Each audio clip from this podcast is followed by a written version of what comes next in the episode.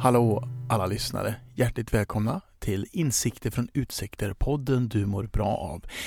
Och jag som eh, pratar nu heter Malte Hallqvist, komiker och föreläsare och även då poddinnehavare kan man säga. I Alvik, på Scandic där, fick jag möta en för mig helt okänd människa. Men jag fick tips via en kompis, tack Patrik Olsson i Kil, eh, om Katarina Graffman, en antropolog eh, som jag då började kolla in lite, lyssnade på TED-talk, läste artiklar, hennes podd och så vidare. Och till slut kände jag att den här tjejen är jag ju supernyfiken på. Så jag hör av mig till henne och eh, hon säger ja. Och detta är avsnittet som blev tack vare detta. Så jag tjatar inte mer om det. Nu är det dags för 67 avsnittet av Insikter från utsikter med Katarina Graffman. Katarina halkade först in på statistik. Ibland halkar man fel, fast rätt, för det ledde till slut till studier i antropologi. Alltså lite förenklat, studier i mänskligt beteende. Hon fastnade direkt för detta ämne och är nu antropolog 24-7. I Katarinas fall handlar det just nu främst om vårt beteende kring konsumtion. Och hon föreläser bland annat på TED Talk, får uppdrag av stora företag och flyttar in i familjer för att ännu bättre kunna följa dessa beteenden. Hur ser vår konsumtion ut i framtiden? Vad kommer hända med vår miljö och blir man bättre eller sämre på nära relationer när man jobbar som antropolog?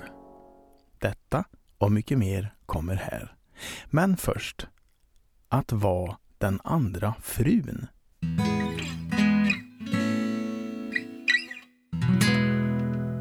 När jag har varit så här hos folk ganska länge, för jag är ganska länge hos folk, Ja, då kan jag säga så att ja, men nu, är jag, ja, nu är jag klar, nu är jag nöjd. Jag liksom, tror inte jag kommer se så mycket mer. Och då säger va? Ska du inte komma något mer nu? Mm. Det har varit så himla trevligt att ha det har här. de fått en relation till dig? Ja, en, eh, faktiskt en familj jag var i så sa faktiskt mannen så här, va det som haft en andra fru. Det har varit jättehärligt. Hur, hur tar du det? En andra Nej, men fru? eftersom jag visste att den andra fru då bara inte var något fysiskt. Nej, okej. det visste jag Mm. som hade varit där. Ja. Så blev jag faktiskt helt glad för jag tror att det var så här. Och det här känner jag jätteofta att jag kommer in som en frisk fläkt Mm. i många människors liv. Hur mår du? Jag mår bra. Ja. Ja. Och vad beror det på då? Dels har jag sett fram emot att få träffa dig. Mm. Eh, och det blev ju inställt sist Ja. när vi skulle träffas. Visst. Ja. För att du hade ju en liten smärre Operation. händelse. Ja. ja, precis. Eh, så jag tycker att det är jättekul att vara här. Och vi ska väl säga att vi är i Alvik. ja, vi sitter på Scandic Alvik kan vi gott säga för att vi sitter i deras foyer utan att fråga. Ja, Mm. och dricker deras kaffe. Men det har jag betalt för. Ja, vad bra. Så de fick ju någonting. Ja, Plus reklam. eller Så hur? 40 spänn plus reklam. Ja, det, ligger ju väldigt nära Herregud. till eh, centrala Stockholm. Mm. Och du bor i Uppsala och tog dig Ja. hit.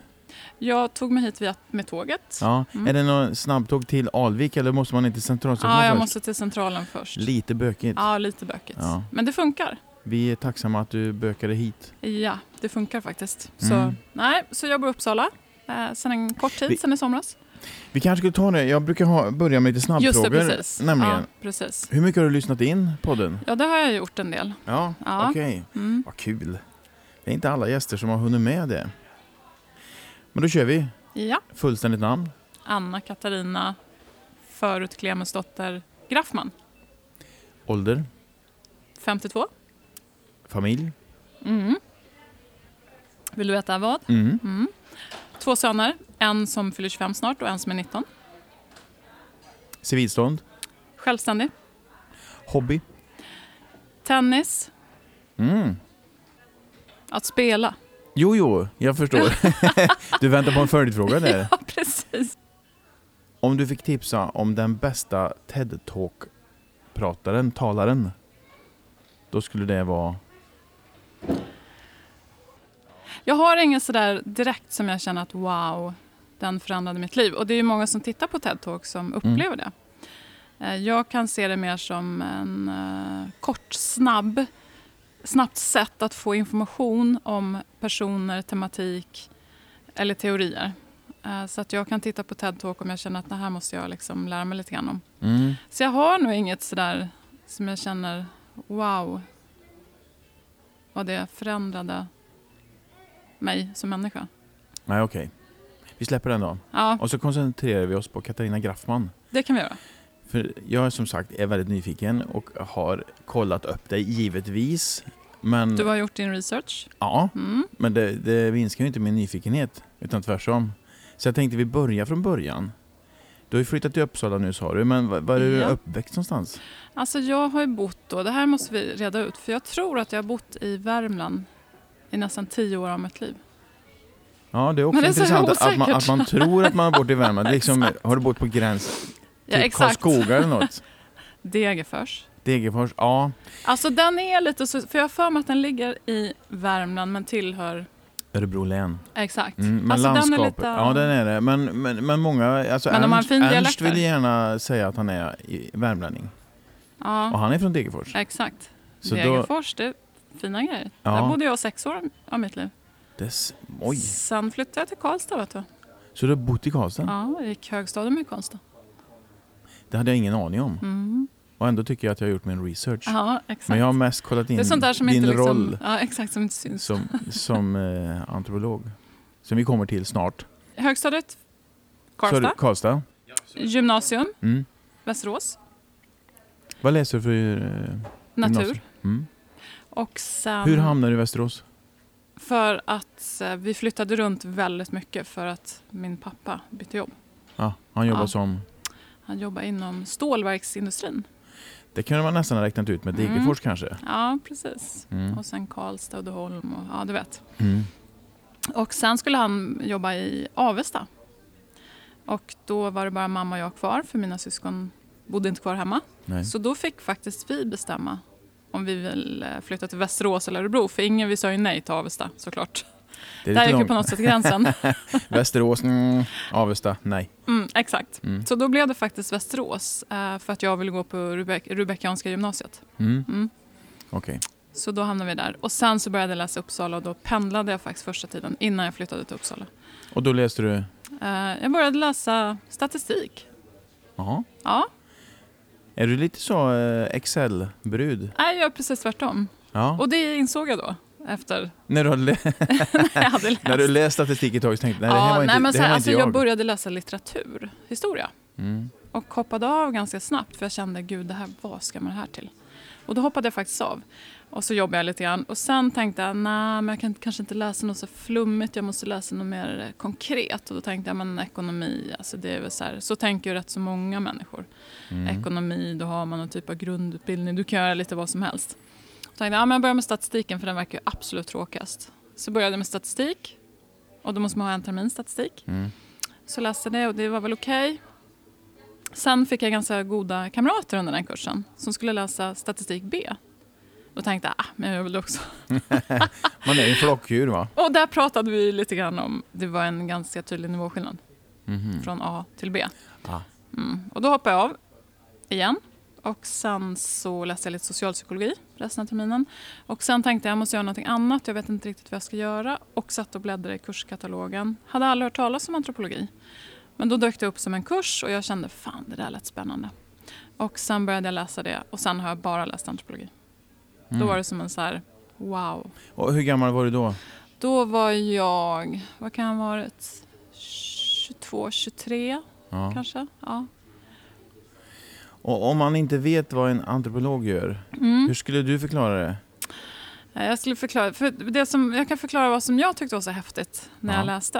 Eh, Ja, för det är ju intressant. Det är inte alla som väljer antropologi. Nej, det är ju inte det. Nej. Nej.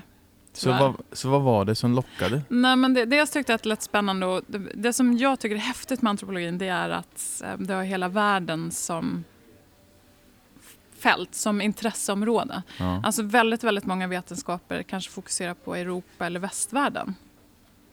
Teoretiker eller eh, olika typer av kunskaps... ehm, alstrare liksom. Men antropologin är ju verkligen fokus på hela världen. Varför ser mänskligheten så väldigt olika ut i olika delar av världen? Eh, och jag tyckte att det, det perspektivet var verkligen en ögonöppnare för mig. Och vi läste, tredje kursen man hade på antropologin läste man släktskapssystem. Mhm. Bara en sån sak. Kan man ju tänka igen att det låter lite Excel-ark, eller hur? Ja, faktiskt. Blir... Lite så var det faktiskt. Ja. ja då ritade man stora system. Och eh, i världen finns det olika släktskapssystem och det är väldigt avgörande för hur det samhället är organiserat. Och jag blir hur... väldigt nyfiken där eftersom du inte tycker att du är en Excel-tjej. Ja. Att du ändå lockas av det ja, på något vis. eller hur? Precis. Ja. men jag var också det och kanske hade jag lite hjälp av då att jag hade den där sidan i mig ändå. Ja. Så, ehm, men jag tyckte att det var så häftigt spännande och för mig var det så här wow, nu fattar jag mycket, mycket bättre varför människor i Kenya eh, organiserar sig så här och beter sig så här eller människor i Sydamerika. För om du förstår grunden och det är ju hur man organiserar sin släkt. Eh, och för mig var det en sån här verkligen wow, vilken häftig kunskap. Låter lite nördigt eller? ja, men det är du va? Ja, kanske lite. Det tror jag man... Om man ska vara sådär eh, spetskompetens i någonting så får man vara nörd och jag tycker det är, alltså det är fint. då. Jag tycker också det är fint. Ja, Ja, det vi måste jag. ge plats för fler nördar. Ja, Jag tror så, det är bra. jag tror också att det är bra. Mm. Men om, man- om man säger, jag vet, mm, antropologin generellt handlar ju om att förstå varför människans samhällen och kult, jag säger kulturer, jag är ju kulturantropolog. Mm. Eh, men det är lite knepigt begrepp i Sverige för culture på engelska är ju lättare att förstå. I och med att vi pratar om kultur även som konst och musik. Ja, för hur skulle du vilja... Jag har fått en förklaring av kultur, Ja, att det är motsatsen till natur. Alltså allt skapat Ja, av människan precis. är kultur. ja precis. och det natur är då tvärsom, det är ju ingen... Precis. Om man inte odlar Det är trädgård. ganska bra så. Men jag tycker att det är synd att vi inte har...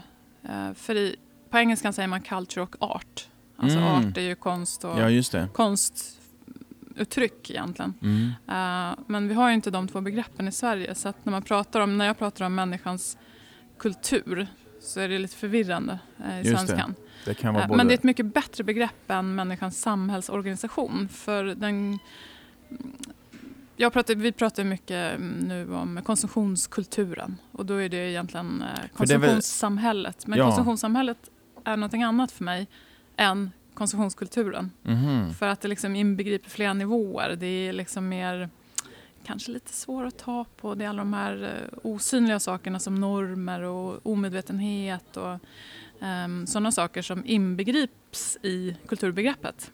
För ska man ringa in dig så är det väl antropolog inom konsumtionskultur? Ja, idag är det det. Mm. Ja. Eller, och det är ju väldigt mycket för att jag är intresserad av den nutida, det nutida samhället och det är en konsumtionskultur. Mm. Mm. Så att jag beskriver ju det, det samhälle vi lever i idag som en konsumtionskultur.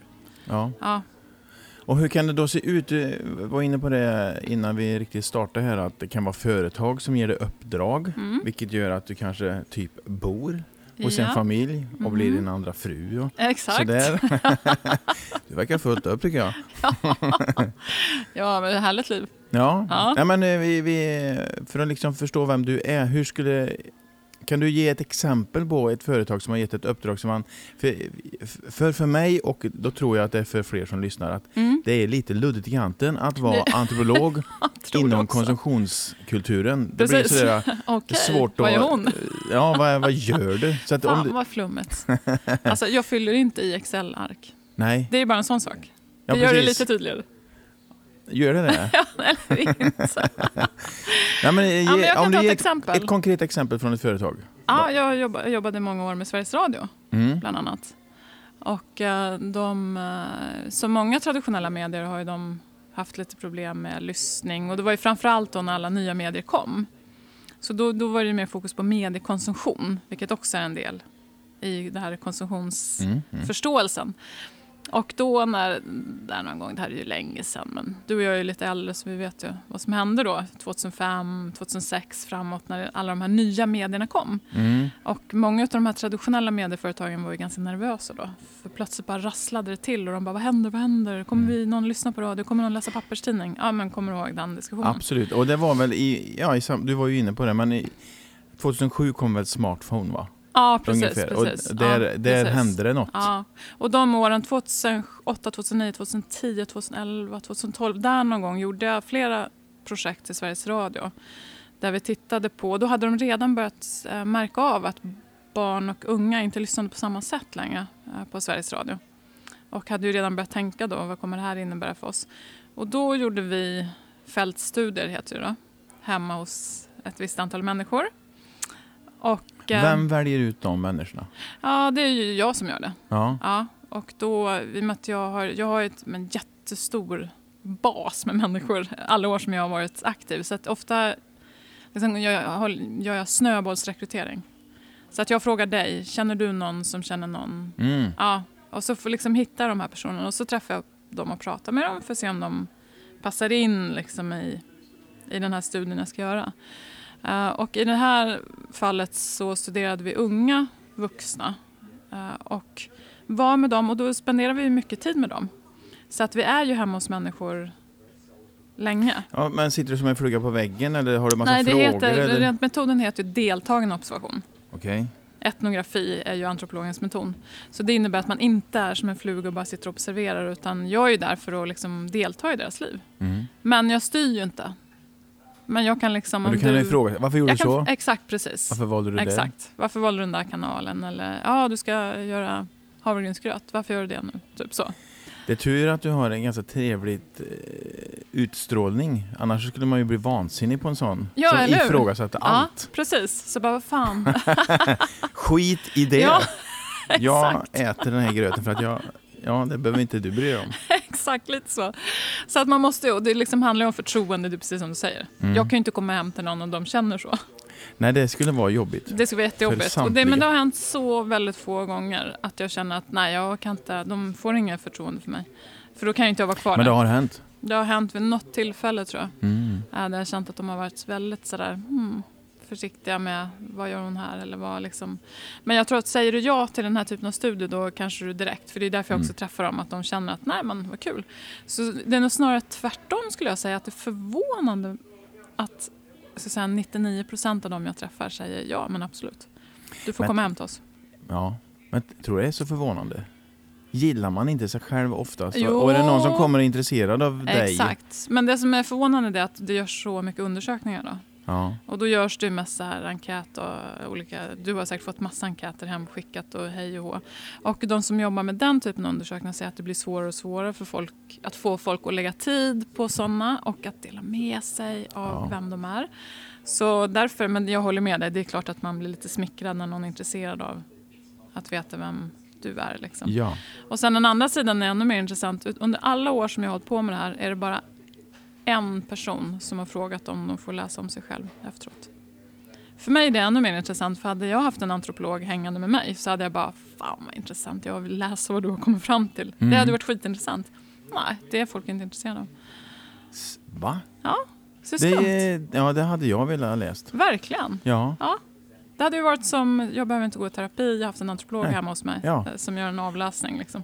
Ja, vi var inne på det förut också när de säger att du blir som en andra fru. Att det blir lite samtalsterapeut över Eh, det. verkligen. Åtminstone samtalscoach. Verkligen. Ja. Ja. Så det är skitintressant.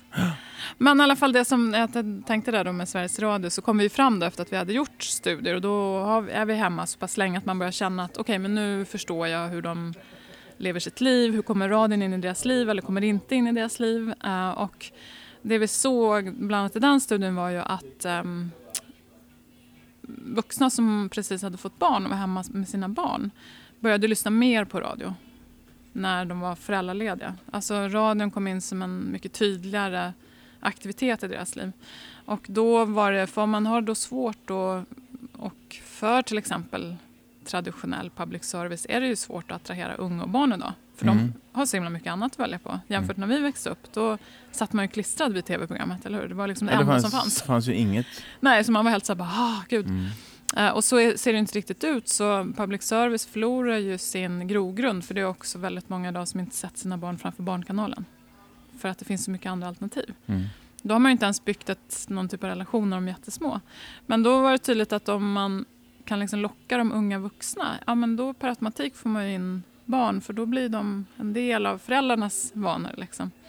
Eh, så det kan vara ett exempel på sånt som vi tittar på. Då. Mm. Eh, Så vad, vad var din rapport till Sveriges Radio efteråt? nej, det var att om man gör riktigt jäkla bra program till eh, kanske föräldralediga, att man hittar riktigt bra program, för då får ju de kanske som inte haft, det här var ju några år sedan, Mm. nu är det ju ännu färre som har en relation med Sveriges Radio på det sättet. Samtidigt så har ju Sveriges Radio, de har ju lyckats jättebra med sina poddar och, och sådär.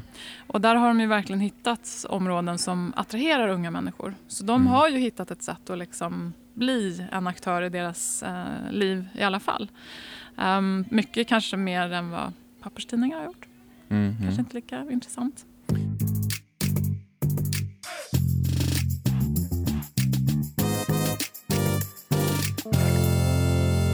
Sponsorsnack. Det finns köpcenter och så finns det köpcenter. Och så finns det Bergvik. Alltså Bergviks köpcenter. Bästa Bergvik.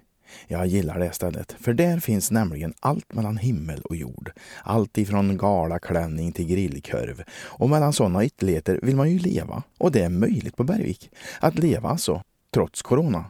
För där finns stora ytor och vidtagna åtgärder så man kan vara lugn och trygg när man handlar på Bergvik. Så håll i och håll ut. Åk dit och håll avstånd. Handla tryggt och säkert så vi alla får möjlighet att befinna oss mellan himmel och jord på bästa Bergvik.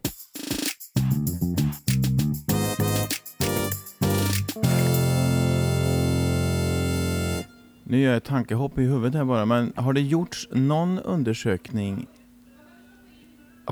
på det här med smartphone och relationer? Du pratar om att de Ja, Förr så satt man vid, eh, vid tv-programmet, alltså barnprogrammet.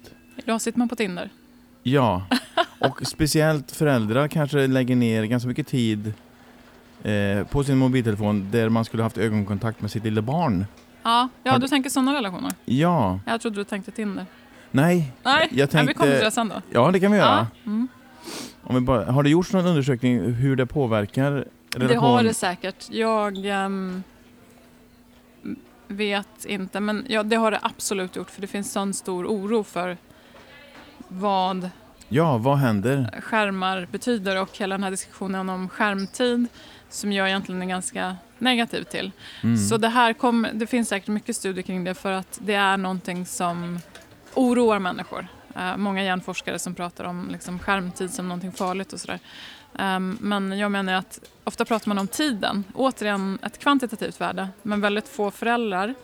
Och jag har ju verkligen studerat unga och mediebeteenden. Det var ju liksom min första stora, mitt första stora område och sen har jag mer och mer kommit in på konsumtionskultur och hållbarhet. Men det är väldigt få föräldrar, för de flesta föräldrar är ganska busy idag.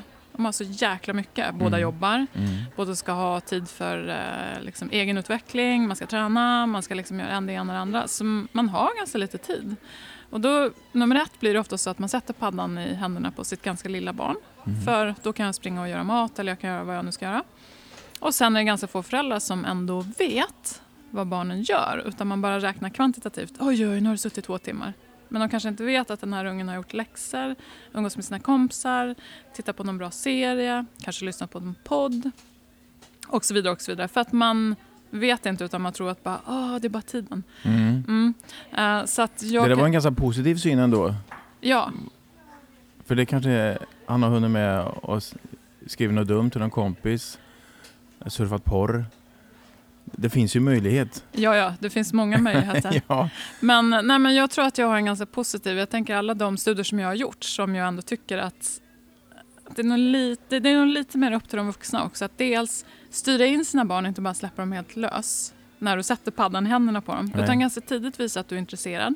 För det är väldigt, väldigt svårt att komma sen när de är tonåringar och säga hej, får jag sitta bredvid dig och se vad du gör? Mm. Mm, kanske inte. Nej. Men om man har liksom visat dem från början att jag är intresserad av vad du gör, kanske spela något spel med dem, att man liksom är intresserad av att veta vad de gör på skärmen så blir det också, då har man ju också en lättare ett Mm. sätt att diskutera kring det sen. Mm. Mm. Och det finns ju faktiskt studier att de som bygger den relationen med sina barn, eh, de barnen kommer också vända sig till de vuxna när de är, eh, är med om något som är obehagligt eller som skrämmer dem. Då går de till de vuxna och berättar det. Mm. Så att jag tror att just den här öppenheten, det är svårt att komma när någon är 13-14 och säga tja. Får jag kolla vad du gör? Ja, det tror Ja, jag. Då är, har, the ship has sailed. Exakt, Ja. precis. Så att jag tror att har man, det, det, men det är lite sådär, det händer jättemycket tråkiga saker. Men det händer också jätte, jättemycket bra saker med skärmarna. Och framförallt det här man pratar om att kanske många som var ensamma förut kanske inte är ensamma idag för att de har sina communities där de har hittat vänner i andra sammanhang. Eh, och det pratar man ju rätt sällan om. Liksom. Eh, så att jag tror att den här, det blir lite så när vi är oroliga och det blir de här varningssignalerna, då är det det enda vi ser. Istället för att se att ah, men det här är ju någonting också otroligt positivt eh, för Mm. väldigt många unga och barn för den delen också. Mm. Bra, alltså jag har ju så många funderingar och liksom tänkte vad, vad, vad hinner vi med när jag har en proffsantropolog framför mig? Sådär. För jag går ju runt och funderar på saker. Ja, såklart gör När det, ja, det gör man ju. när det gäller mänskligt beteende. ja. Eh, och något som jag har funderat på ganska mycket nu på slutet är den här trögheten som finns i oss människor. Så jag tänkte om du kunde förklara det för mig. Till exempel, alla vet att vi bör minska utsläppen för koldioxid Mm. och ändå ökar det. Mm. Vad är det hos oss människor som... Alltså att vi måste fram till... Nu är det ju... Om vi pratar klimat så är det ju... Nu är det ju kris. Ja. Ja, Mm. nu måste vi. ja. Men vi har ju vetat om det sedan 70-talet. Mm. Eller ännu längre. Ännu längre. Ja. Ja. Har du någon bra förklaring? Vad är, varför är vi så tröga? Det kan man ju förklara med att väldigt få av oss här uppe i Sverige känner att det håller på att förändras Mm. speciellt mycket. Ja, det kanske blir lite varmare Ja, det är på mindre snö. hösten, mindre snö och kan vara lite varmare på sommaren. Men det är ungefär vad vi känner. Dessutom handlar det om att förändra saker som vi tycker är ganska härliga. Att ha en bil, Mm. att vara fri är ju det. Ehm, Att köpa flyga. saker tycker vi om. Eh, vi lever ju ett liv som... De saker vi måste ändra är ju mycket sånt som vi tycker om. Mm. Den som älskar att äta en eh, härlig oxfilé med bearnaisesås till exempel. Eller sätta sig i bilen på fredagen och dra ut till landet. Eller varför inte ta en eh, flygresa till New York för att handla lite exklusiva julklappar. Mm. Alltså Det är sånt människor tycker om. Ja, men, och det kittlar hela mig för att det är kul grejer. Ja, det är jättekul. Mm. Och det är också de vi behöver ändra. Mm. Så att jag tror, hade det varit saker som vi tycker är obehagliga och jobbiga, då hade det ju gått enklare att förändra. Mm. Eh, och om vi också känner av att någonting håller på att hända. Så pandemin är ett jättebra exempel eh, på vad som händer när vi utsätts för ett rejält hot. Mm. Då går det ju skitsnabbt för människor att förändra beteenden. Så att, eh, ja, det handlar ju jättemycket om det. Så kombinationen av att vi inte riktigt känner vad som pågår. Vi bara, det är bara liksom information som nästan på, svävar över huvudet på oss. Alla vet, liksom, man orkar inte. Eh, och sen det här att vi måste ändra saker som vi verkligen tycker om. Och det är ju mycket svårare. Mm. Så att jag tror att det är därför så att vi kommer inte att rikt, på riktigt börja förändra oss förrän vi känner att någonting rejält förändras. Och jag skulle kunna, om man nu, men det skulle kunna vara ett varmare klimat men jag tror faktiskt för vår del kan det vara så att det kommer vara klimatflyktingar som kommer bli det första som vi kommer känna av. Mm. För i andra delar av världen så är det ju långt mycket värre och de upplever verkligen rejält livshot redan idag och de kommer behöva liksom flytta på sig.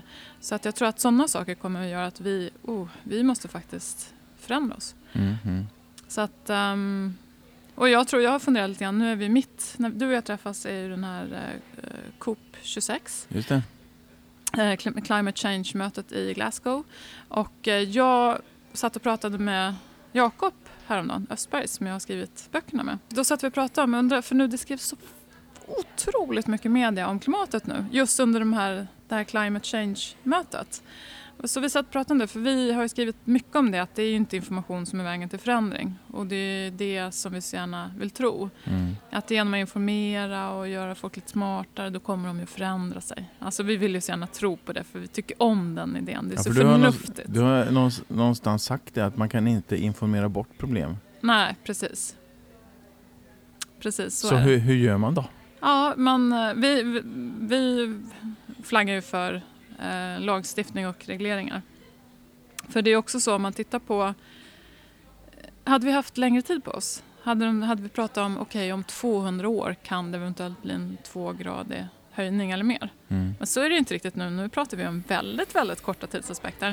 Ja. Och då med tanke på att människor, det är så svårt att förändra människors beteenden och vanor. Så vi har inte tid med det. Vi har inte tid att tro att ah, men vi, vi eh, skriver lite mer i tidningen om det här. Vi skickar ut en liten informationsfolder så kommer det hända. Det kommer hända snart. Så är det ju inte. Och därför behöver man, liksom, jag tror det är därför man också behöver reglera och lagstifta. Faktiskt, för att få en snabb förändring. Sen kommer folk tycka det är skit, för vi lever också i det här marknadsliberala paradiset. Mm. Uh, så, men om man vill ha förändring så tror jag att det är den vägen man måste gå. För sen å andra sidan handlar det om att förändra människors normer och förändra människors uh, beteenden, hur man lever sina vardagliga liv. Och ju fler som gör det, desto fler får man med sig. Är vi sista generationen som lever så lyxigt? Ja, om vi inte omdefinierar lyx. Vad är mm. lyx? Mm. För det är det också, för lyx behöver ju inte vara det som vi ser som lyx idag. Resan till New York, handla julklappar, så. Lyx kan ju vara någonting annat och det är det som är delvis lite problemet. Att, Vad skulle det kunna vara för lyx tänker du? Nej men det kan ju kanske vara att det inte associeras med eh, liksom, upplevelser i exotiska kulturer eller massa saker vi ska köpa utan det kan ju vara upplevelser, det kan vara andra typer och det har vi ju sett under pandemin till exempel hur mm. folk mer är hemma. Eh, att man upptäcker kanske Norden. Oh, nu fick vi inte resa in i Norge då men, men ändå att vi liksom upptäcker att fan, det finns jättemycket fint här mm. att göra eh, som inte är så långt bort. Och så, där. Så, att, så jag tror att det handlar om det. Man måste omdefiniera vad som är ett meningsfullt och bra liv. Mm. Det är mm. det som är grunden, tror jag. Och inte minst eh, måste vi först komma till rätta med social hållbarhet. Så det kan jag tycka... Vad liksom, menar du med det? Jag menar att det, det, är så lätt för oss som sitter i de här rika västkulturerna som liksom har uppnått den, det välstånd som vi har. Mm. Och sitta och peka finger till Indien och Kina och säga vad de ska göra. Mm. Uh, för att det är väl självklart att det, de människor som bor där vill ju också uppleva någon typ av välstånd och trygghet. Uh, och då kommer vi och säger så här, men gör inte så här, det är inget bra för miljön. Utan liksom, vi kan minsann lära er, gör så här och så här. Mm. Uh, så att jag tror att så länge vi inte har social hållbarhet där människor känner att, att de lever ett bra liv varför ska de börja leva klimatmässigt hållbart? Det, den, det är en liksom grundfråga tror jag. Mm. Mm. Och hur når man det då? Ja, eh, jag tror ju att visst, vi har ju vissa erfarenheter att titta på oss. Vi blev inte lyckligare för att vi hade en Gucci-väska. Så. Eh, men det spelar ingen roll för där är då mänskligheten, ja men jag vill också ha en sån i alla fall. Mm. Alltså, spelar ingen roll.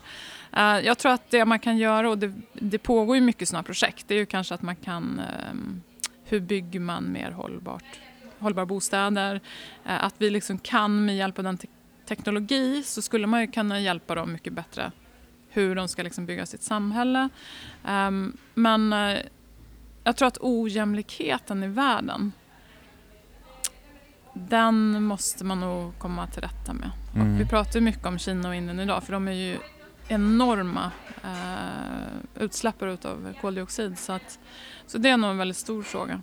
Och därför kan jag också, det är ju så här, vi konsumeras otroligt mycket och nästan allting produceras ju mm. i Kina mm. eller i Asien. Uh, och det är också så konstigt på något sätt för um, liksom, vi är superfokuserade på våra egna beteenden här.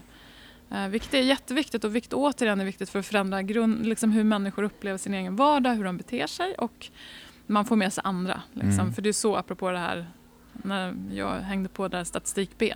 Just det. Det är så lite vi funkar. Mm. Att vi liksom, åh, gör hon så nu? Jag ser ju ändå upp till den personen, då vill jag också göra lite så. Mm. Så. Så det är ju jätte, jätteviktigt. Ja, det är ingen liten fråga som Nej, du bollar upp här. Nej. Men jag också tänker, det är bra att ta um, hur man kör bil som ett exempel. När bilbälteslagen kom till exempel, det var inte så många som tyckte det var, oho, fan vad coolt, häftigt. Nej. Nej, utan det var ju mer oh no. Men idag så drar vi på oss det utan ens tänka. Mm. Trafikregler. Eh, vi skulle inte kunna köra bil om vi inte hade trafikregler. Och där är det liksom så självklart, eller hur? Det, det, man lär sig det. Man får köra bil utifrån de reglerna. Det är inte fritt. Du får inte köra hur fort du vill. Du får inte köra liksom... Och lite samma tänker jag med samhället. Ja, men inför den typen av regler som på något sätt ändå begränsar oss vi kan leva ett gott liv men att det ändå begränsar lite grann det som är väldigt klimatpåverkande. Då. Mm. Mm. Du är ju en ganska positiv människa ju. Ja. Eh, tror du vi lyckas eller det, är vi på gång att utrota oss själva? Jag har hållit på med det här så mycket och jag studerar människor så mycket. Mm. Så att jag är inte jättepositiv när det Nej. kommer till det. Nej. Eh, Jag tror faktiskt att det kommer vara så här att det kommer bli riktigt jobbigt. Och sen kommer det vända och så kommer det kanske bli bättre. Mm. Mm. Men jag tror att det kommer bli jobbigt.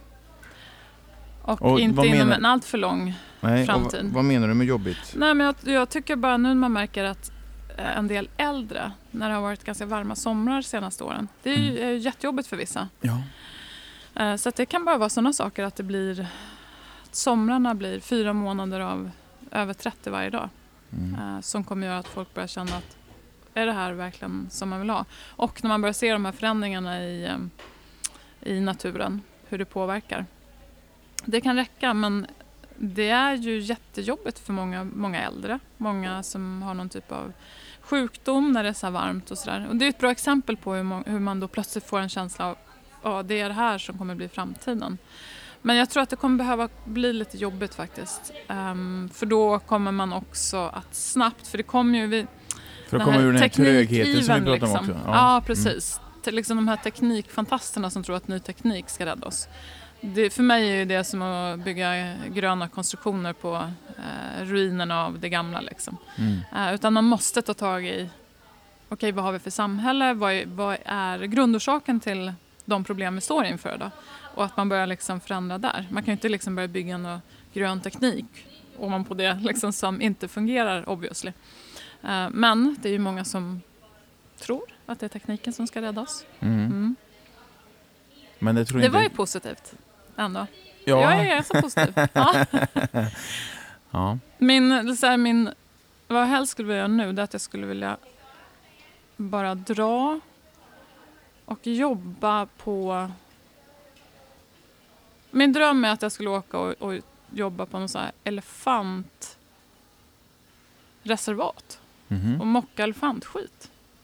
Vad uppnår du då, tänker du? Nej, för, det, för att jag är så trött på människor. Ah. Ja, du vet, jag har liksom studerat människor så länge och försökt förstå varför beteenden är så här. Och jag brukar alltid säga så att ja, men människor säger en sak men gör någonting annat. Det är ju mitt liksom, Mm. mantra när jag studerar människor. Och det vet alla som känner mig. Du vet när jag kommer hem till mina vänner och sådär då är det liksom åh nej nu kommer Katarina, har vi liksom kollat under sängen, ligger det något där som hon kan upptäcka, hur ser badrumsskåpet ut, vad har vi i soporna, du vet sådär. För man går liksom och täcker av sådana saker för att verkligen förstå hur lever de här egentligen. Mm. Mm. Så jag börjar så tröttna på människan så jag skulle vilja göra något helt annat. Jag bara får hålla på med Elefanter. ja, mocka skit. Liksom. Mm. Ja. Och det är ändå ganska tung skit så det kommer liksom kräva ganska mycket, Ja, mycket av mig. just. Ja, det mår man ju bra av, alltså fysisk träning. Ja, skitbra. Men trött på människor, jag tänker när man studerar mänskligt beteende så där är det lättare eller svårare att leva i en relation själv då? Hur tänker du nu? Ja men jag tänker om du, nu vet ju inte jag, du sa att du var självständig i och för sig, men att eh, relationer med andra människor, att leva tillsammans med Mm. dem, eh, är man för analytisk eller är det till hjälp för dig? Eh, Du kanske ska ringa min exman. Ja. Vad tror du jag skulle säga? Nej men jag, absolut. Alltså, men jag tror att det kanske hänger ihop med många yrken. Mm. Eh, psykologer. Ja, men du Mm. vet, man, så här, det är ju lite så. Eh, De som ändå fattar vad jag gör, det, det, det är så klassiska när man hamnar på så här bröllop. Och psykologer säger det är så jävla jobbigt för då får man ju sitta och prata om den personens problem hela kvällen. Eller en läkare som bara, åh, du vet jag har ju så här lite ont i axeln här. Vad skulle det kunna vara? Eh, Så att vissa yrken har ju liksom den här, det är inte kul alltid. Nej. Eh, antropolog, de som vet tycker att det är spännande. Eh, så att då handlar det mer om liksom, helheten. Ehm, hur man tolkar människor och hur man förstår människor i grupp. Vissa tror att det bara handlar om att man är någon form av beteendevetare men det är ju liksom större. Man vill ju förstå samhällets organisation. Det är ju egentligen det som är. Eh, men absolut är det så att jag, man är ju, jag är ju antropolog hela tiden. Mm. Ja.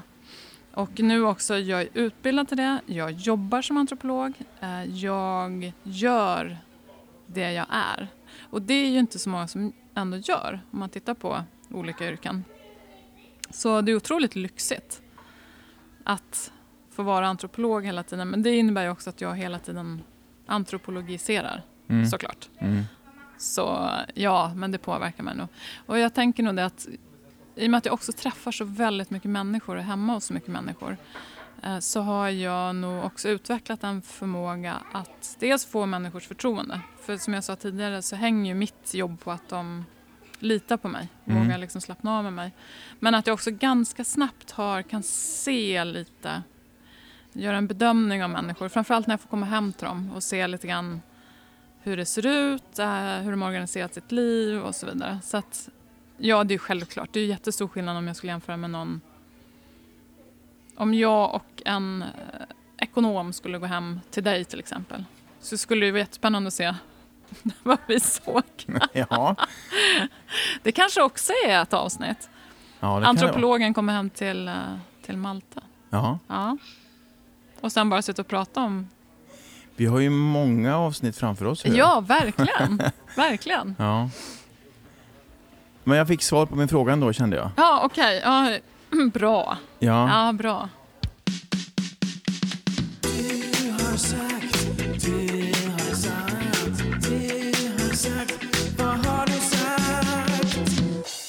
Vad var det du sa? Du, jag har ju i min eh, podd ett avsnitt som heter Du har sagt. Ja, Mm. det är ju spännande. Ja. Ja, och det roliga är när man lyssnar på dina avsnitt så blir de flesta lite oh, no, blir de så här, oj Ja. vad har jag sagt? ja. Ja, det är roligt tycker jag. Det är ungefär Hur känner att, du då? Nej, jag tycker det ska bli jättespännande. att se vad du har plockat upp. Ja. Ja, Några grejer har vi faktiskt avhandlat. Eh, ja okej. Och okej. det brukar vara så. Ja, men det kan jag tänka mig. Mm. Ja. Nu sätter Malte på sig glasögonen. Ja, Ja, annars ser jag ju ingenting. så han ser. Nu sitter jag här och väntar med spänning. Är du redo? Ja. Människan är inte rationell. ja. Vi har varit inne på det lite grann, men skulle Ja. du kunna ge lite mer kött på benen på det uttrycket? Ja, det kan jag göra. Vi har ju pratat om det, det här att vi gärna vill tro att människan är rationell. Och det grundar sig någonstans på upplys upp, upp, upplysningstiden när man på något sätt separerade människans kropp och känslor med hennes tankar och förnuft. Eh, och ehm, Så sen har det levt kvar, att vi faktiskt tror att vi är den här förnuftiga typen som via information och kunskap är kloka nog att eh, oberoende utav andra och samhället runt omkring oss ska vi kunna fatta bra beslut Mm. och förändra våra beteenden mot det bättre. Eh, och så är det ju inte riktigt. Utan, Ja, vi sitter lite grann med facit i hand nu. Ja, precis. Exakt. Det blir inte så bra. Nej, det blir inte så bra. Och det, det är det som eh, när jag säger att människor säger en sak men gör någonting annat. Eh, och då blir det ju så viktigt att förstå också det här att, ja men okej, du säger någonting till mig. Och då är jag också intresserad av, men gör han verkligen så? Så visar det sig att du inte gör det, men då blir det också intressant att veta varför säger du till mig att du gör så? Men du Mm. gör inte det. Alltså de här glappen hela tiden, förstå vad är det som händer här? Eh, för att om vi ska förstå människor så måste vi förstå varför man agerar tvärtom mot vad man säger. Eh, Det blir jätteviktigt. Så jag pratar också om en humanistisk rationalitet. Eh, Istället för den här förnuftiga rationaliteten. Och eh, väldigt, väldigt mycket som vi människor gör i vårt liv baseras på att jag vill bygga relationer med andra människor. Och det behöver inte alltid vara förnuftigt rationellt, men det kan vara humanistiskt rationellt. Till exempel att jag har med en gåva till dig för jag vill bygga någon typ av band med dig. Mm. Mm. Det kanske inte är så förnuftigt egentligen. Det hade ju varit bättre om du hade köpt. Nu har Malte fått mina böcker. Mm. Eh, att du hade köpt dem. Det hade ju varit bra för mig. Jag kan betala. Och där gick han direkt in i det rationella. Exakt. Nej men så att väldigt, väldigt mycket vi gör, då vill vi ju förstärka våra sociala Mm. band. Eh, och det behöver ju inte alls vara förnuftigt. Eh, utan det handlar om att jag, det är viktigare för mig att ha starka sociala relationer än att jag kanske är den här förnuftiga klimatmänniskan. Liksom. Mm. Mm. Så det finns så många nivåer på det där eh, med förnuftet. Mm. Mm. Men humanistiskt rationell, Mm. det var ju fint. Ja, visst är det fint? Ja, Ja. den eh, tar jag till mig. Ja, och den tänker jag för den, alla de här som älskar den här förnuftiga, rationella människan kan ändå... Ja, humanistiskt rationell, ja men det är ändå lite mer förståeligt kanske än att bara säga att man inte alls är rationell. För jag tycker att det här begreppet irrationell som vi använder jättemycket när vi då ska förklara men varför är människor så dumma och inte ändrar sig? De vet att de inte ska flyga till New York. Uh, det är ju irrationellt. Nej, men då får man ju börja förstå det utifrån en liksom, lite bredare perspektiv. Förstå. Varför gör den här människan det här fast den vet att den inte borde? Mm. Mm. Den gör det fast han vet att han inte borde och skäms lite men fortsätter att göra det. Exakt, precis. Ja. Och om, om, vi inte, om vi då direkt bara liksom säger att det där är irrationellt, det är dumt. Uh, ja, men då, precis som vi pratade om skärmtid. Det är Mm. dumt att ha suttit för länge. Ja, men försök ta det lite djupare. Förstå lite mer varför den här personen gör på det sättet så kan du också runt, se runt omkring. Det kanske inte är ännu en informationsblad om att det är dumt att flyga till New York. Jag slutar med det för det är inte bra. Uh, ja, men du kanske ska reda på vad är det, varför åker den här människan till New York, vad är det som lockar där, vad ger det för mening till den människan. Så att vi liksom hittar andra saker att börja liksom jobba kring. Då. Mhm. Mm. Det viktigaste för en människa är att tillhöra en grupp. Ja. Var det bara så kort? Mm. Ja. Men det är det viktigaste för människan. Att vara, du pratade om det i början där med flockdjuret. Mm, Ja. Just det. Och att vara social är ju inte en tillvalsegenskap. Eh, utan det är någonting vi föds in och vi är helt beroende av att någon plockar upp oss och tar hand om oss. Mm. Så att, att vara en del av gruppen, av flocken, är liksom det viktigaste av allt. Att vara människa.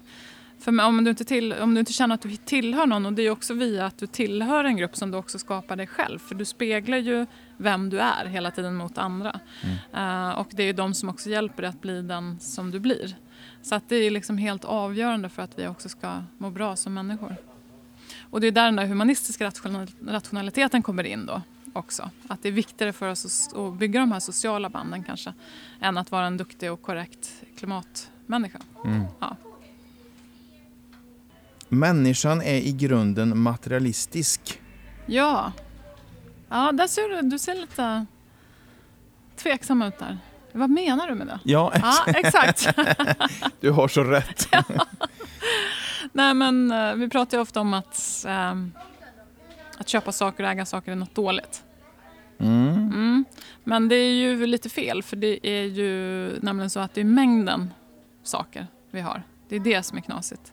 Mm. Men människan har alltid varit materialistisk och vi har liksom alltid tyckt om prylar. Vi har använt prylar för att uttrycka status eh, och vem vi är. Vi har använt prylar som gåvor väldigt länge, även om det då format, var mer format som något typ av reciprocitet, att jag ger dig något, du ger mig något och så bygger vi sociala band kring det.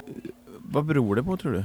Ja, men det beror Är det, bara, är det in, inprogrammerat från början? Nej, men det kan nog vara olika orsaker. För dels kan det ju vara att just i den gruppen behöver man ha vissa Mm. varumärken, Jo, vissa jo. prylar för att också vara del av gruppen.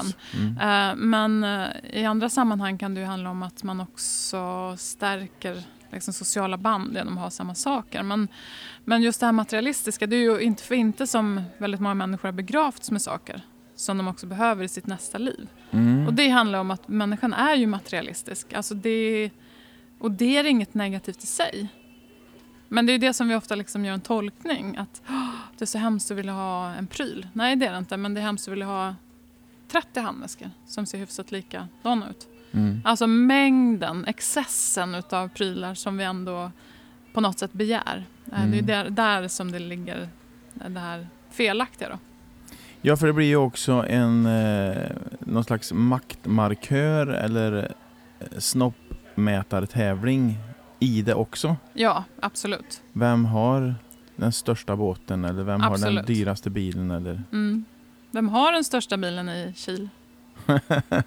ja, det vet inte jag Är det han faktiskt. dumplingkillen? Nej, Är det inte det? han har ingen. Nej, han har Oh. ingen bil alls. Jo, han har en liten eh, mini pickup. Jag är, så, jag är så sugen nu på att åka till Kil och käka hos honom. Ja, det är klart du ska göra. Ja. Han är ju en, eh, en god vän till mig har blivit. Ja, Så vi sitter ju ofta och... jag tycker att vi, vi ska, eller vi, typ som jag, du, jag, du och jag poddade. Du är min andra fru Ja, nu helt plötsligt. Hej kort! Det gick så himla fort, gud vad härligt. Nej men du ska varje avsnitt får du ändå prata om honom. Ja, Ja. Jag, jag, det är ju väldigt ofta jag pratar om honom. Ja, jag tycker att det är bra. Ja. Nu var det jag som plockade upp honom. Ja, det var det. Ja, ju. Dumplings i Kil, har ni inte varit där, och dit ät. Världens godaste mat och världens godaste man Ja, som står där och rör i alla grytor. Ja. Ja, Ja, han, såg han gillar man. Och, men det är ändå spännande det där med hur man liksom visar sin identitet med Ja, olika saker. Men har det alltid varit så? Även när det inte fanns så mycket prylar? Ja, det har det nog alltid varit. Den som hade... Ja, för att med, den här materialiteten har ju ofta handlat om att den som har status eller den som har någon typ av hierarkisk överordning har ju ofta varit den som haft tillgång till eh, lite snygga fjädrar eller Mm. eh, de snyggaste snäckorna. Och det var ju ett sätt att uttrycka status. Så att ofta har ju det hängt ihop med... Och status är ju något av det viktigaste för människor. Ehm, om man till exempel... Nu kommer jag in på ett stickspår. Men du har ju inget. frågat lite hur man ska förändra människors beteenden. Mm. Och om man får saker och ting att um, kännas att det ger mig status, då är det mycket enklare att förändra beteenden.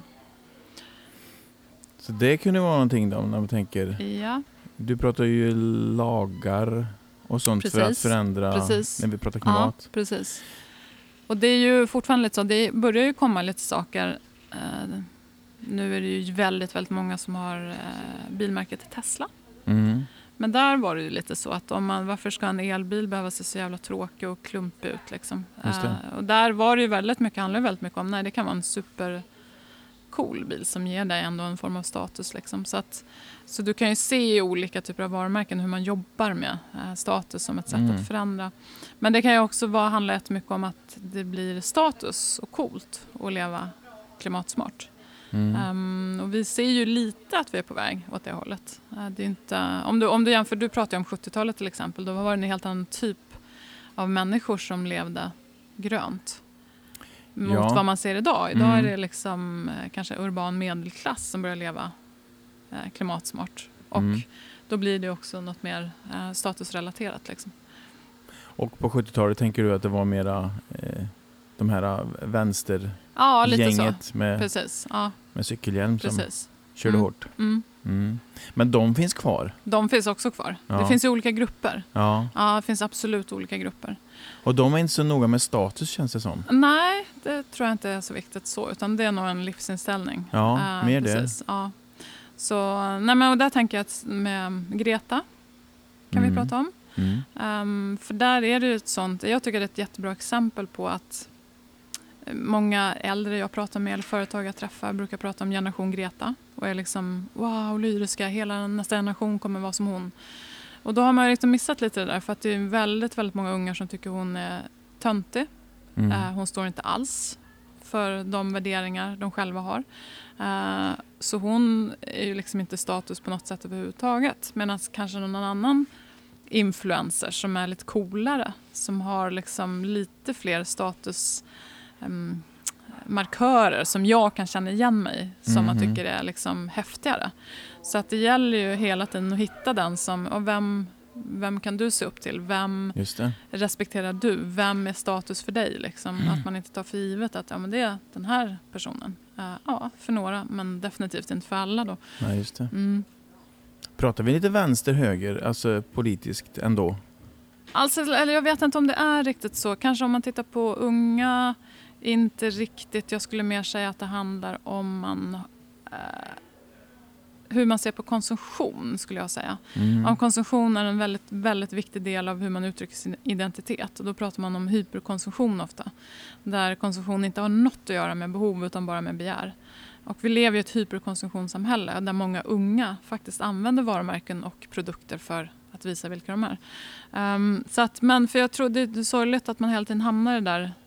Mm, För till exempel när vi då pratar om det här med reglering och, och så. Och nu pratar jag om eh, Jakob igen då. Mm. Eh, Då blir man ju ofta ankallad för att vara väldigt röd. Att vi är kommunister får ju vi höra titt som tätt. Mm. Och det blir så problematiskt för då kan vi inte liksom komma någon vart. Om man så här, jag tycker det är fantastiskt med det. frihet, att människor ska ha frihet. Men den friheten ska inte handla om frihet att kunna välja produkter på en marknad. Alltså frihet är ju något större än så. Mm. Ehm, det är ju inte en frihet att vi väljer oss att köpa oss till undergången. Är det det? Jag vet inte. Nej, det känns ju... Nej, så känns det inte. Nej, det är ju lite konstigt. Ja. Så då måste man ju börja titta på hur ska människan kunna fortsätta vara fri? hur ska vi kunna fortsätta leva gott på den här planeten? Ja, men då kanske vi måste reglera vissa områden av mänskligt liv för att vi också ska kunna fortsätta ha den friheten. Så, men det är liksom ett sätt att se på det, men det är så lätt att det hamnar i det här ja, antingen eller-samhället som vi lever i nu. Mhm. Och vi lever i ett väldigt starkt polariserat samhälle idag. Så att Mm. det går ju knappt att diskutera något. Liksom. Nej, det var den tanken jag fick nu när du började prata om detta att eh, via lagar och regleringar kan man komma en bit och även status. Men då kände jag också typ Greta kanske inte så och det gänget som, som tycker att hon är jättebra kanske inte är så intresserad av status utan det är mer en som men du var inne på att man har status- valt att leva på ett annat sätt. Precis, men jag tänker där status behöver ju inte vara mm, relaterat till ett kommersiellt värde. Status kan ju vara att leva som Greta. Mm, ja, jag är med dig. Alltså att det är liksom status för mig att leva det livet. Det ger mig status, det ger mig någon typ av eh, respekt hos mina vänner. Och det är Mm. ju en form av status. Så det behöver inte hänga ihop med att det handlar om att man ska ha dyra saker eller att det är ett kommersiellt värde. Liksom. Nej. Eh, Så, men det gäller att hitta de olika som står för olika saker då. Olika värderingar egentligen. Mm. Mm. Mina damer och herrar, det har äntligen blivit dags, inte bara för mitt och Maltes favoritmoment här i programmet i podcasten, utan jag gissar för er allas. Det har blivit dags för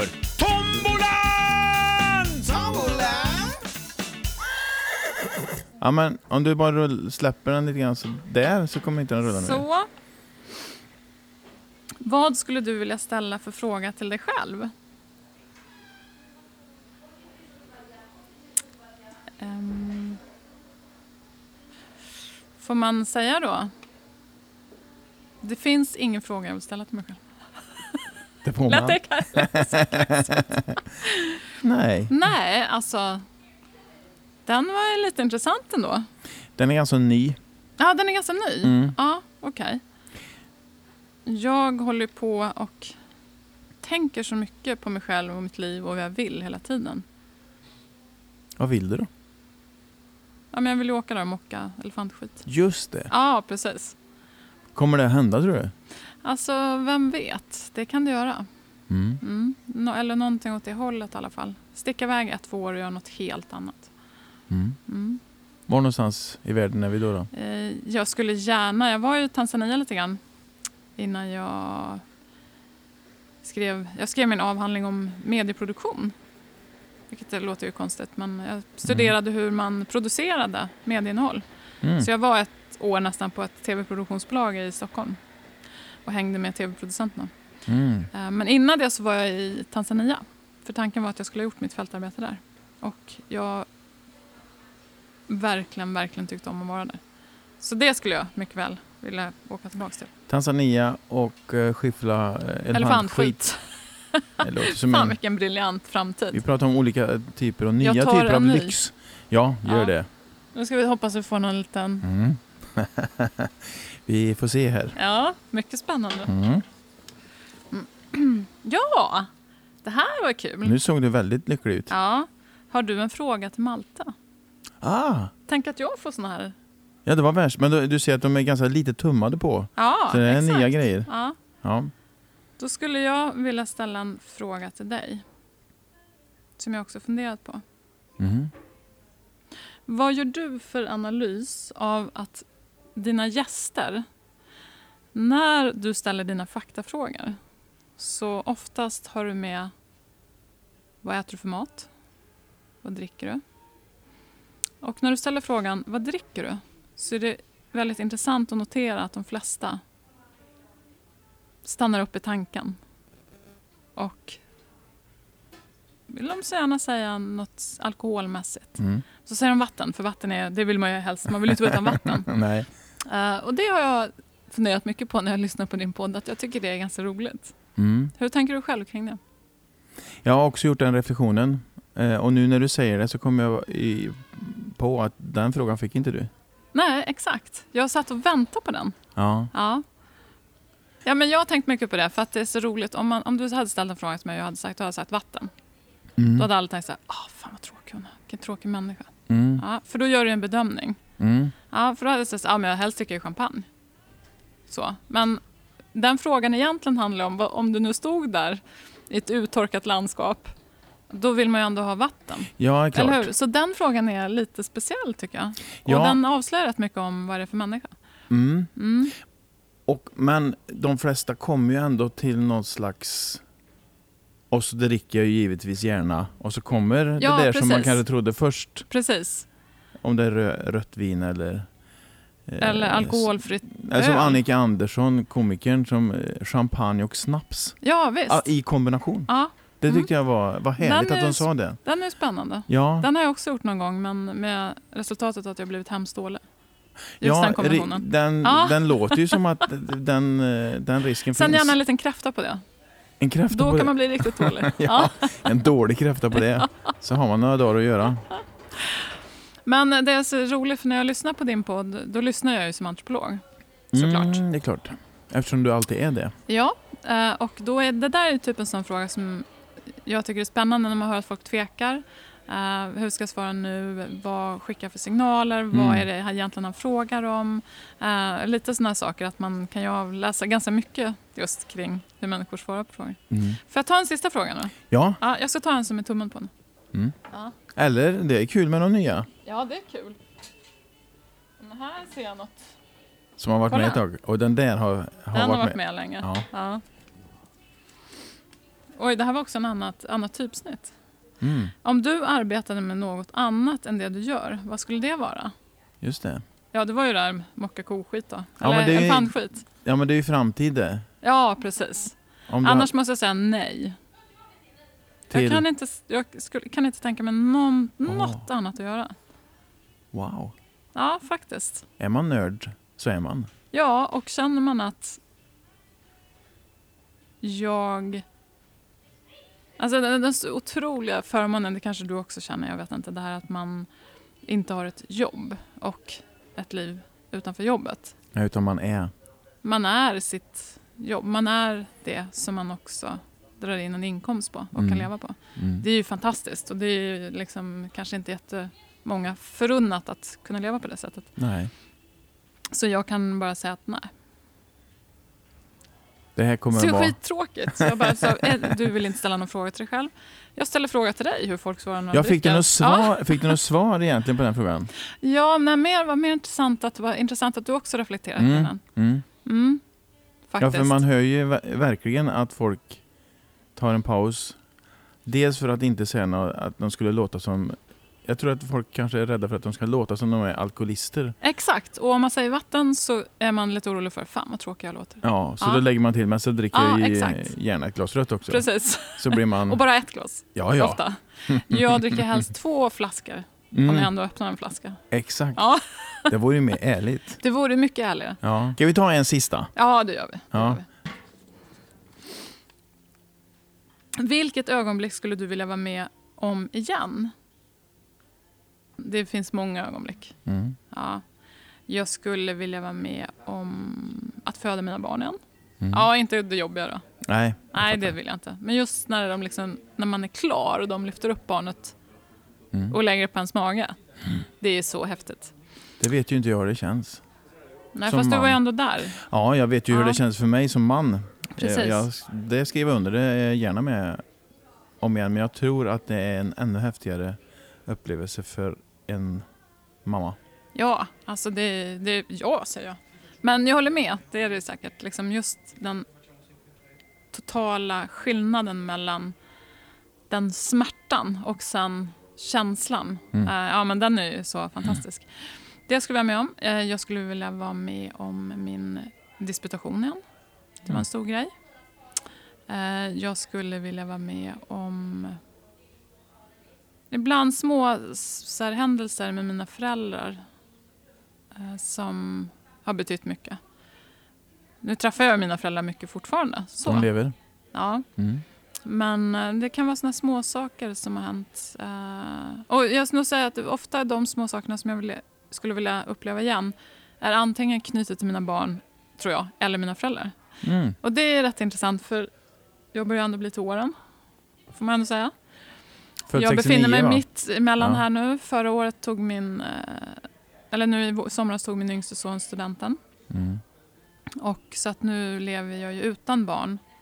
Och det är en ny fas i livet som är intressant, Mm. tycker jag. Eh, och mina föräldrar är ju fortfarande så pass friska. Men sen kommer ju den nästa fas. Just det. Var, men var bor de, föräldrarna? De bor utanför Arboga. Mm, så det är en landet. bit. Ja, precis. Mm. Eh, men då är ändå liksom, ja men då har man gjort, då har jag ändå varit mamma 25 år. Mm. Och nu är man inte det på det sättet. Det är klart man är mamma. nej. Ja. Men, eh, och sen så kommer nästa fas. Att, och då blir det så himla tydligt tycker jag, med att titta på, eller känner sitt liv, att det liksom är ju Mm. så tydligt kring de här familjerelaterade faserna. Liksom. Vad händer i familjen rent socialt? Eh, Att det är så starkt präglar hur vi lever och uppfattar våra liv. Mm. Hur är det att vara eh, barnfri så att säga? Det är speciellt skulle jag säga. Eh, Mm. Jag tycker att det är sorgligt. Mm. Vad är det du saknar? Eh, Jag saknar en närvaro av att någon bara är där. Mm. Någon som man kanske käkar middag med, för du vet ju själv. Mm. En teenager är inte någon som man liksom hänger med. De har ju sitt eget liv, men de är Ja. ändå, De finns. de finns på något sätt. Eh, och i och med att jag också lever själv Mm. eh, så blir det klart att det blir tydligare. För jag tror att lever man i en parrelation, det är klart att det kanske inte blir samma känsla så. Men eh, så att jag är inte sentimental på det sättet. Det är ju bara något som ska ske. Men det är sorgligt och det är lite speciellt tycker jag att gå in i Mm. den fasen. Och en sak som jag har tänkt på det här att man inte längre har den rollen. Eller hur? Att man ändå ska vara, vara någon som föregår med gott exempel. Man ska åka hem och göra någon middag ändå. Eh, plötsligt är det, nej, jag kan göra vad fan som helst. Mm. Liksom så. Den är ju speciell. Mm. Så att, eh, ja, Man ska inte jaga iväg någon tonåring till skolan då? nej precis. Ehm, så, ehm, nej, men så det, och jag tycker just de här olika livsfaserna, återigen, rent antropologiskt, tycker jag att det är spännande att titta på livsfaser och hur det liksom påverkar oss som människor. Mm. Mm. Men själv då? Har du några unga hemma eller? Nej, de eh, flyttade ju för många, många år sedan. Så Eh. du är van, du skulle kunna ge mig något råd? Alltså det är ju så med allt, kan jag tycka att man bor in sig i sin situation. Så även, för jag- det, det syntes på dig att det var sorg när du berättade om det. Men det kommer ju vara också massa sköna grejer du upptäcker. Eh, Typ att du kan göra vad du vill. Ja, Den är rätt så skön. Ja men det, alltså det är ju en frihet också. ja absolut. Det är en Eh, jättefrihet. Så att, eh, det Och är jag- inget råd utan mer en tröst att det kommer bli bra Katarina. Ja, det kommer bli. Ja. Och jag tycker att men när jag träffar lite olika människor i olika positioner idag och de frågar mig om mitt liv. Och jag säger, jag har inte längre några barn hemma. Jag har eget företag. Eh, Jag har ju ingen som bestämmer hur jag ska jobba. Jag har ingen sur chef. Nej. Ehm, Jag har ingen sur gubbe som man inte heller får göra om man vill för. Nej, och Så det jag kan är vara ganska skönt att slippa det. Ja, men det är ju verkligen Mm. skönt. Så att jag, menar, jag känner många människor som jag träffar idag som kanske är mitt i den här småbarnsårsfasen eller tidig teenagefasen när det handlar bara om att skjutsa runt, skjutsa runt, skjutsa runt. Att de kan liksom, wow, är du helt fri? Ja. Alltså det är också, Mm. tror jag, när du själv sitter fast i olika typer av Ja. sammanhang så kan det vara något otroligt eftersträvansvärt att liksom ha den frihet som jag har idag. Mm. Eh, så det är märker jag ju på Ida då, som, eh, som vi bor hos just nu, som Ja. har två små barn. Ja, Och det är, alltså det är gasen i botten från morgon till kväll. exakt. Och när vi berättar att ja, men vi sov till elva Ja, och sen har vi, vi har nog inte gjort så mycket idag. Då, det är som du säger, då blir hon ju avundsjuk på det. ja och precis. längtar dit. Så Precis. njut om du kan. Ja, Sörj det ska man göra. Precis. en stund och sen så njuter du tror jag. Ja, så är det precis. Mm. Så, mm. Vi stänger tombolan där. Ja, Som avslutning ja. så tyckte jag det var rätt så intressant när du du eh, gjorde skillnad på skam och skuld. just det. Om det var i ett poddavsnitt eller en artikel jag läste. Mm. Oklart. Men kan du ta med oss på det? Mm. Vad är för skillnad? Skillnaden är att ehm, skam är något som riktas till dig som individ. Medan skuld är en handling som du har gjort. Med beteende. Mm, precis. Eh, och vi, varför det är intressant är ju för att vi lever i Sverige är en skamkultur. Mm. Och man kan ju dela upp olika samhällen då, kulturer säger jag, i skam eller skuldkulturer. Och eh, till exempel Japan och Sverige är ju skamkultur. Och jag brukar lätt översätta det med om man tittar på barnuppfostran för de flesta har ju ändå någon hyfsad koll på hur man ska uppfostra sina barn. I hope. Mm, det tror jag. Mm. Och då vet ju de flesta att om ens barn gör någonting dumt så ska man ju inte säga så här, men Malte, vad dum du är. Ska inte jag säga då. Nej. Om du hade varit mitt barn. Nej, Ja. jag, jag är med. Eh, Utan då ska jag säga så här, det där var dumt gjort Malte, men jag Just tycker det. om dig som person. Mm. Det är skillnaden på skam och skuld. Mm. Väldigt, väldigt enkelt. Men du menar att vi i Sverige hamnar eh, mer på skam, att vi går på person? Ja, exakt. Du, om du eh, beter dig på ett fel sätt så kan du bli utesluten, medvetet eller omedvetet, från Mm. din sociala grupp. För att de vill inte ha med dig, för att du liksom fläckar ner gruppen. För att du är fel. Mm. Uh, Medan då i en skuldkultur så, så ha, det hamnar aldrig liksom på den nivån utan då är det mer att de det var jävligt dumt gjort liksom, men du är en del av vår grupp. Mm. Eh, om, man liksom, om man verkligen förtydligar vad de här olika betyder. Och det är därför skam inte heller är ett speciellt bra sätt att förändra beteenden på. Eh, till viss del, eh, det här med, vi pratar mycket i Sverige om flygskam. Det myntades ju i Sverige. Ja, det borde heta flygskuld. Exakt, precis. Eh, faktiskt. För det som händer med skambegreppet är att då börjar folk smyga med sina Mhm. beteenden. Just det. Så då kom, fick vi det här smygflyga istället. Mm. Som liksom någon sorts mot, liksom motdrag mot flygskammen. Det. Eh, och det är det som händer i en skamkultur för då vågar man inte stå upp för hur man lever sitt liv utan man börjar ju liksom gömma och dölja saker som man gör. Mm. Och i längden får ju det sin konsekvens att vi inte kan prata om olika saker. Eh, Så istället för att vi kanske kunde prata om dina ständiga New York-resor så kanske du inte ens vågar säga det längre. Att du åkte till New York en gång på vintern och en gång på sommaren. Mm. För då skulle inte du accepteras liksom, i det här sociala sammanhanget vi lever i. Då. Eh, så istället så berättar inte du det. Du lägger aldrig bilder eh, liksom därifrån på dina sociala medier och sådär. Utan du bara gör det. Det är ganska Istället intressant det som händer det. i mig nu när du säger det så känner jag att jag, jag bör nog säga att det här var bara ett exempel. Jag åker inte. Ja, Alltså, den känslan får jag. men det var därför jag sa så här, men vad dum du är Malte. Ja. Ja. Jag åker alltså inte till New York en gång i Nej, det var halvåret. ett exempel. Ja, det var det. Mm. Exakt. Nej, men eh, det är ett bra, just det där att om vi inte har ett öppet klimat så att vi kan prata om saker och ting, då är det också väldigt svårt att komma till rätta med beteenden. Mm. Eh, För ju mer vi liksom hyschar och döljer och inte vågar stå för, desto mer liksom, eh, kanske vi förstärker den typen av beteenden fast ingen vet. Liksom. Just det. Eh, Så Men det handlar mycket om att man, en öppenhet helt enkelt.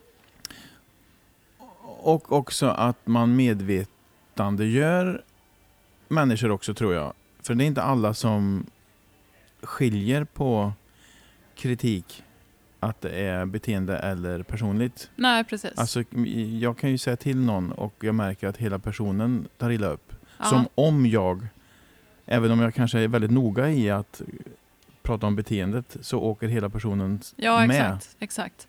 Och det tror jag också eh, beror på att vi bor i en skamkultur. Mm. För även fast du är duktig och säger att "Ja, men jag gillar ju dig, men det där var ju lite dumt. Mm. Så om du i en skamkultur så spelar det ingen roll. Just det. Och det är det också som det här att vara liksom präglad i en specifik typ av kultur. Det är det som blir intressant, för det formar oss så starkt som människor.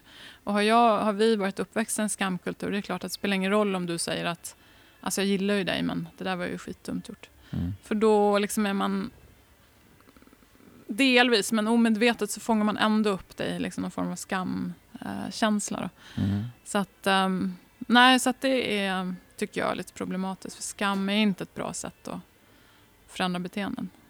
Det är ett negativt sätt. Mm. Mm. Men status då, som vi pratade om tidigare, det är mer ett positivt sätt att jobba med förändring av beteenden. Mm. Mm. Status och skuld i Exakt, en precis. härlig kombo. Ja, mer status än skuld då. Då tar vi oss fram. ja.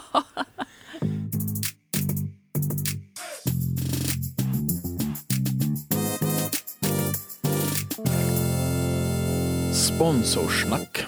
Tänk att det finns företag som vill göra skillnad på riktigt. Alltså inte för att tjäna pengar i första hand, utan för att ta ansvar. Jag tänker på OK Värmland. När jag tankar min bil där, för det gör jag, så finns det en uppsjö av alternativa bränslen. Det gillar jag. Själv kör jag på HVO 100, men det finns ju självklart etanol, diesel extra och biogas. Jo, jag tackar jag. Miljöansvar säger jag.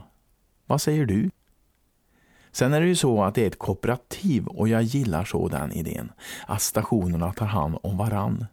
Så det kan finnas en mack i Skillingsmark, Vikene och Sunnemo bara för att OK Värmland tar ansvar för att hålla just Värmland levande. Jo, jag tackar jag. Igen. Socialt ansvar säger jag. Vad säger du? Kort sagt kan man i alla fall säga att det handlar om att lösa problem gemensamt. Så sväng in och kom med i det kooperativa sällskapet. OK Värmland. Tillsammans gör vi gott för Värmland.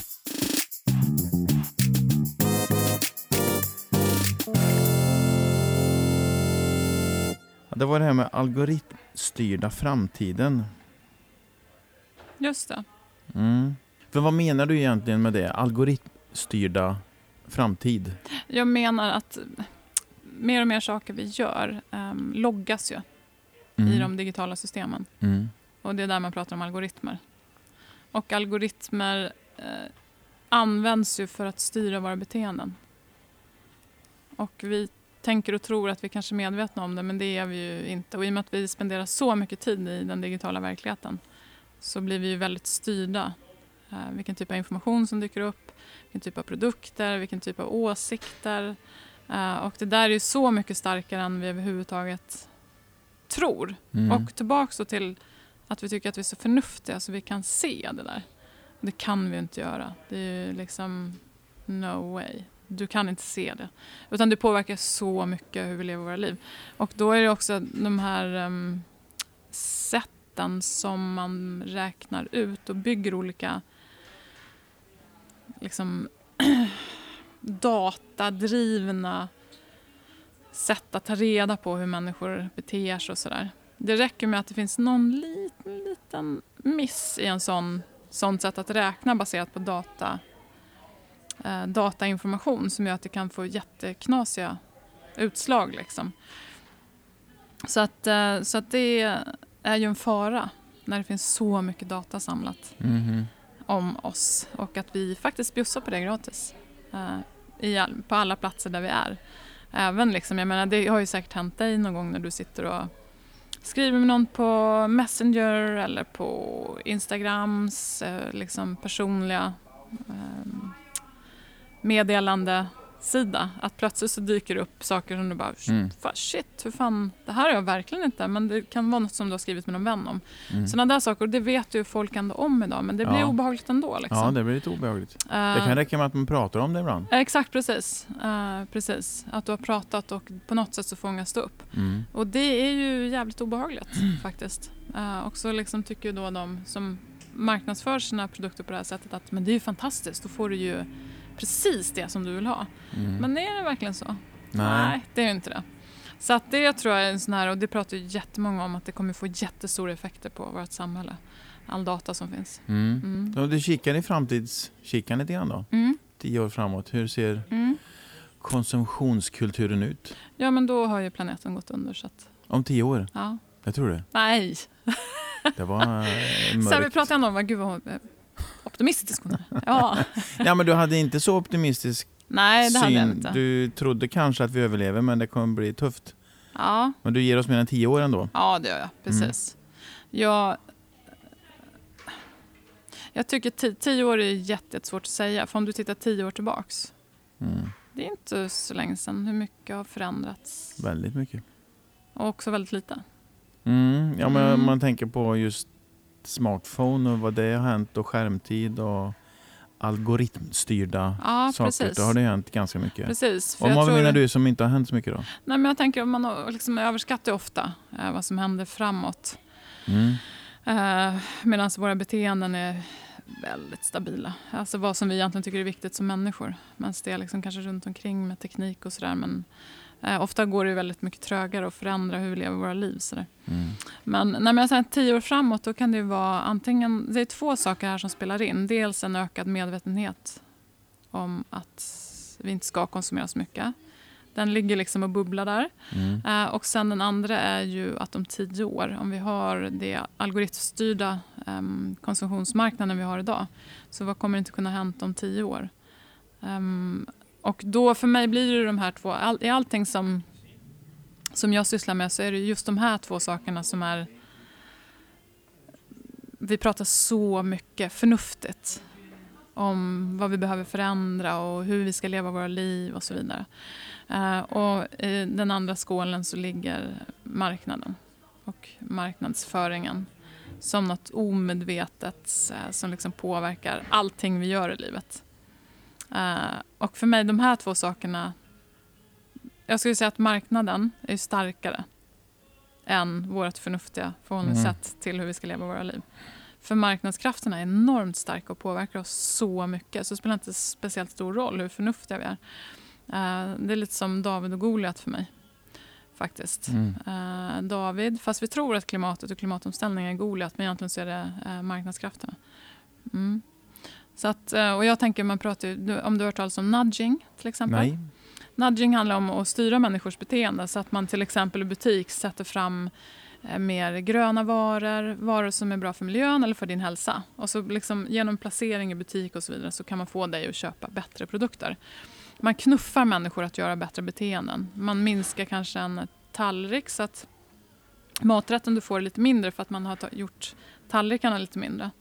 Uh, Sådana saker är nudging uh, och det hjälper människor att leva bättre mm. utan att de hela tiden måste tänka och fatta de där besluten själv. Mm. Men nudging liksom pratas om att ah, men det är något nytt. Det är jättebra hur vi ska förändra människor och bli mer klimatvänliga. Liksom, nudging har ju använts av marknadsförare hur länge som helst för att få oss att köpa saker. Liksom där när det doftar bulle när du kommer in på mm. liksom, brödavdelningen på ICA eller alla godis som hänger precis eh, vid kassorna. Men det kallas ju sludge, eh, alltså att det är åt andra hållet. Då. Mm -hmm. Men det är ju liksom något som marknadsförare har använt i evigheter. Det är ju inget nytt. Liksom, men nu är det som att ah, men det är så nytt. Liksom. Uh, och för mig är det så tydligt bevis på att marknaden och marknadskrafterna är så otroligt starka uh, idag. Och att kämpa mot dem med förnuft, den är ju svår. Den är tuff. Den är tuff. Mm. Mm. Så därför konsumtionen om tio år. Mm, just det, det var det vi som jag sa, för då sa vi har hela den här liksom rörelsen kring att konsumtion, måste, vi måste dra ner på konsumtion, vi måste liksom, det kan inte vara prylar som är vägen till ett lyckligt liv. Uh, å andra sidan så har vi marknaden som kämpar och kämpar för att överleva, där tillväxt fortfarande är det enda uh, som är viktigt. Mm, så kan vi se om tio år då, vem som är, vilket som är starkast. Mm, du tror mm. på marknaden? Uh, ja. Vem var David och vem var Goliat? Jag hängde inte med det riktigt. Nej, där var ju då um, marknaden Goliat. Mm. Och de här som liksom kämpar för klimat, att vi måste förändra våra beteenden, är ju då lite David. Mm. Men vem um, var det som vann egentligen? Ja, precis. Det är det. Mm. Men det får kämpa på där. Ja. Mm. Ska vi runda av? Sista frågan. Ja. Vad dricker du helst? Champagne. Stort tack Ja. för att du satte dig på tåget och åkte hit. Ja. Och, och vi ses i mitt kök framöver. Ja men visst gör vi ja, det. det gör vi. Det känns som att det är åtminstone ett avsnitt kvar. Det kan bli fler. Ja. Du är så välkommen. Ah, ja. Härligt. Mm. Då tackar vi för nu. Ja, tack så jättemycket.